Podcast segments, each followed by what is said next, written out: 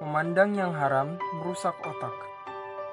Khususnya pada abad ke-21 ini, penggunaan objek-objek yang menarik perhatian syahwat dalam dunia perfilman, klip musik maupun konten-konten yang bertebaran di internet atas nama mode, iklan, olahraga, maupun seni meningkat drastis.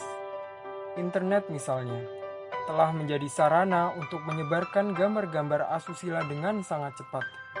Gambar-gambar tersebut disiarkan di berbagai media, mulai dari toko buku, teater, bioskop, papan reklame, hingga surat kabar yang menjangkau hampir setiap segmen masyarakat yang sebagian besarnya disebarkan melalui internet.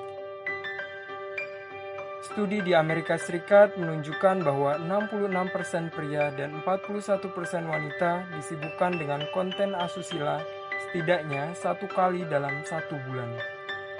Sekitar 50% dari lalu lintas internet digunakan untuk mengakses konten-konten tersebut.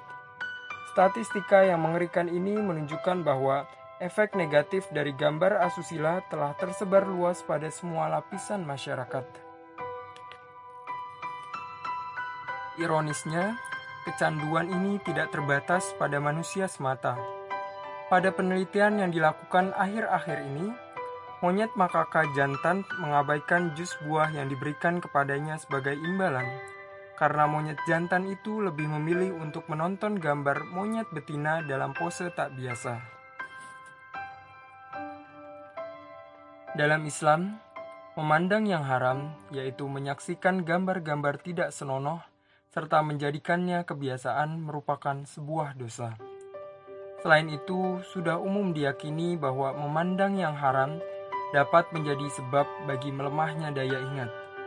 Ada banyak ulama yang memeringatkan bahwasanya pandangan yang haram dapat merusak fungsi-fungsi otak. Terdapat pula ayat yang secara makna memerintahkan jauhilah zina dan hadis pandangan yang haram adalah panah beracun setan. Hadis tersebut kemudian dilanjutkan dengan kalimat, Barang siapa yang meninggalkannya karena takut kepada Allah, maka Allah akan memberi balasan iman kepadanya yang terasa manis dalam kalbunya. Hal ini menjadi prinsip-prinsip penting yang kiranya dapat mencegah kaum muslimin dari perbuatan tercela tersebut. Otak dan konten-konten asusila sebuah penelitian dilakukan pada mereka yang sering mengakses gambar-gambar asusila di internet dengan hipotesis bahwa hal tersebut dapat meninggalkan pengaruh buruk bagi fungsi dan struktur otak, sebagaimana pengguna narkoba yang mengalami peningkatan rasa ketidakpuasan, menampilkan perilaku-perilaku buruk yang mencederai kemanusiaan mereka, serta berpengaruh negatif bagi kerukunan sosial. Simon Kuhn dan Jurgen Galinat bekerja sama dengan para ahli di bawah arahan Departemen Perkembangan Manusia dan Kesehatan Psikologi dari Max Planck Institute di Berlin, Jerman. Menitik beratkan penelitiannya pada apa saja pengaruh gambar asusila pada otak manusia. Penelitian yang dilakukan pada para lelaki Swedia ini membuktikan bahwa pria menunjukkan minat yang lebih besar pada konten-konten menyimpang tersebut. Serupa dengan teori dari penelitian-penelitian tentang kecanduan, ternyata gambar-gambar asusila merangsang sistem penghargaan alami dalam otak. Dan ketika situasi ini berlanjut pada tingkat yang lebih tinggi, maka proses respon di jaringan neuron otak akan melemah atau bahkan tidak lagi responsif. Oleh karena proses stimulasi kepuasan pada otak melemah, maka seperti halnya pengaruh narkotika, ia akan mulai berkeinginan untuk meningkatkan dosis yang dapat mendorongnya pada tingkatan asusila. Setelah diketahui bahwa terdapat perubahan di berbagai pusat otak tertentu pada kasus kecanduan obat dan alkohol, maka diketahuilah bahwa neuron yang mengeluarkan dopamin atau sel saraf di otak tengah, bagian depan dahi pada tengkorak atau korteks prefrontal, dan daerah yang disebut striatum merupakan daerah tempat otak merasakan perasaan dihargai atau kepuasan. Sejumlah penelitian menemukan bahwa sebagaimana terdapat perubahan neurobiologis dan volumetrik pada striatum pecandu narkoba, Demikian pula dengan korteks prefrontal akan serupa seperti kondisi tersebut pada saat nafsu syahwat sedang berlebihan. Dalam sebuah penelitian terhadap 64 pria sehat dengan rentang usia 21 sampai 45 tahun, dikatakan bahwa hasil pencitraan resonansi magnetik atau MRI, magnetic resonance imaging, yang dipasang pada mereka bekerja di atas rata-rata, bahkan sebelum pembahasan tentang konten asusila dimulai. Penyebab mengapa halnya diambil sampel dari pria saja adalah karena mereka yang terlibat pada penelitian ini telah terpapar gambar-gambar serupa sejak usia belia bila dibandingkan dengan wanita. Prinsip penelitian ini adalah mengajukan pertanyaan tentang hal-hal asusila dan menunjukkan gambar semacam itu secara berkala saat pemindaian MRI otak dilakukan, sembari memerhatikan perubahan apa saja yang terjadi pada otak. Pada jeda yang ditentukan selama satu minggu, hasil aktivitas menonton gambar-gambar seperti ini menunjukkan terjadinya penyusutan pada materi abu-abu atau gray matter yang dibuktikan melalui deteksi MRI dan ditampilkan dalam bentuk grafik.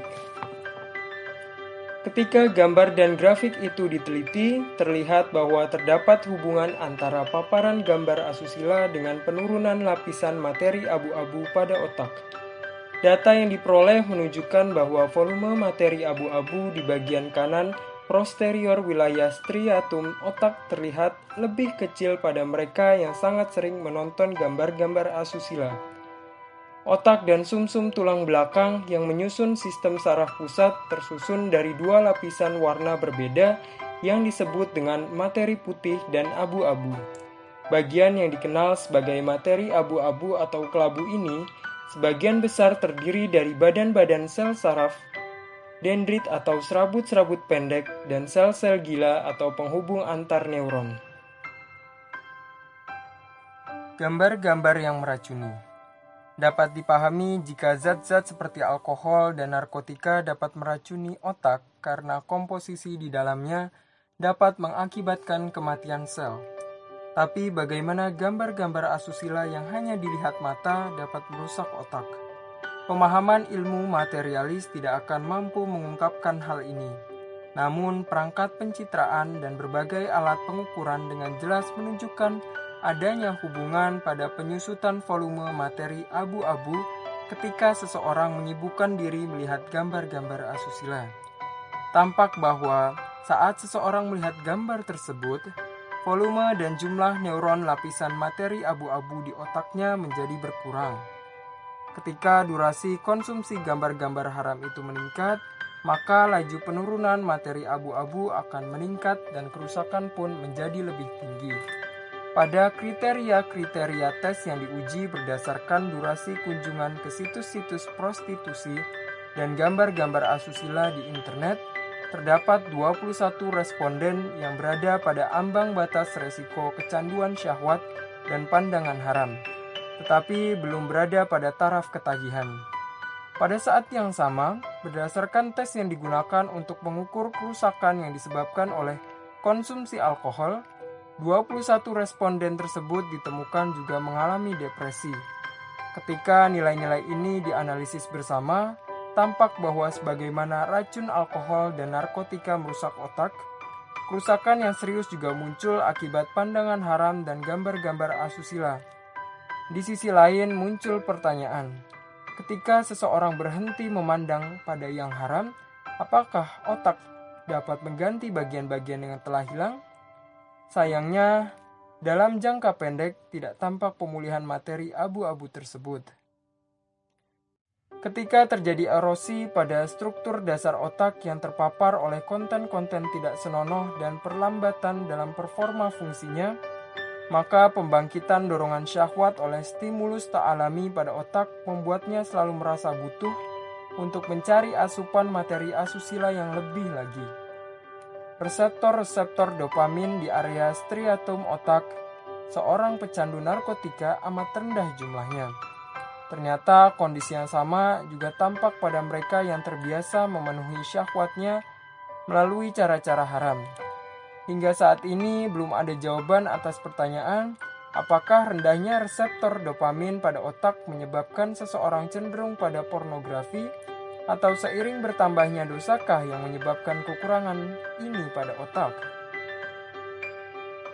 Maka dalam penelitian lebih lanjut hendaknya pengaruh pornografi dapat diamati lebih awal dan diperhatikan apa saja perubahan-perubahan yang terjadi di otak.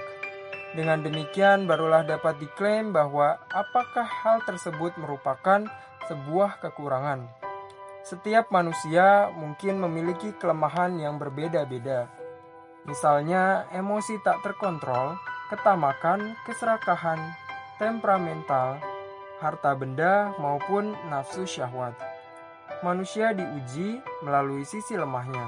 Akan tetapi manusia tidak bisa mengelak dengan berkata, itu adalah bagian dari fitrahku. Tak ada yang bisa kulakukan. Pada prinsipnya, agama diturunkan untuk membangun karakter kedua bagi manusia.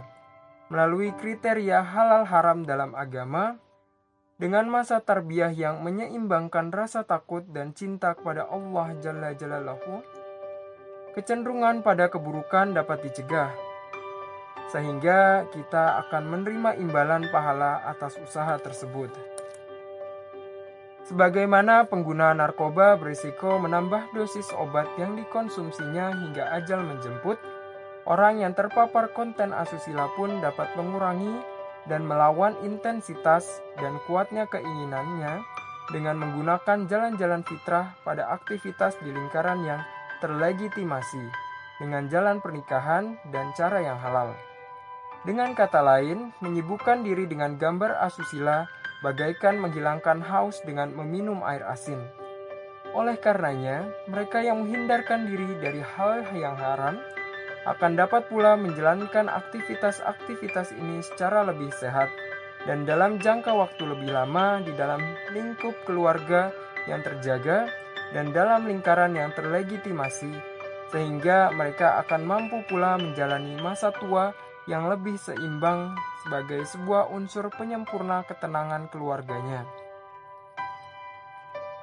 Pada penelitian ini, sebagaimana halnya gambar-gambar asusila dapat merusak area korteks prefrontal dan striatum otak uh, yang dapat memicu kecanduan, maka ketergantungan pada internet juga diperkirakan memiliki dampak serupa. Penelitian terdahulu tentang ketergantungan internet memberikan informasi bahwa ia menyebabkan penipisan area korteks prefrontal. Hal serupa juga tampak pada penderita kecanduan produk-produk seperti kokain, metamfetamin, dan alkohol yang juga dapat memberikan pengaruh pada area-area otak tersebut. Dari sisi kesehatan masyarakat, pengaruh paparan konten-konten asusila pada materi abu-abu otak yang diamati dalam penelitian ini harus dipertimbangkan secara sangat serius.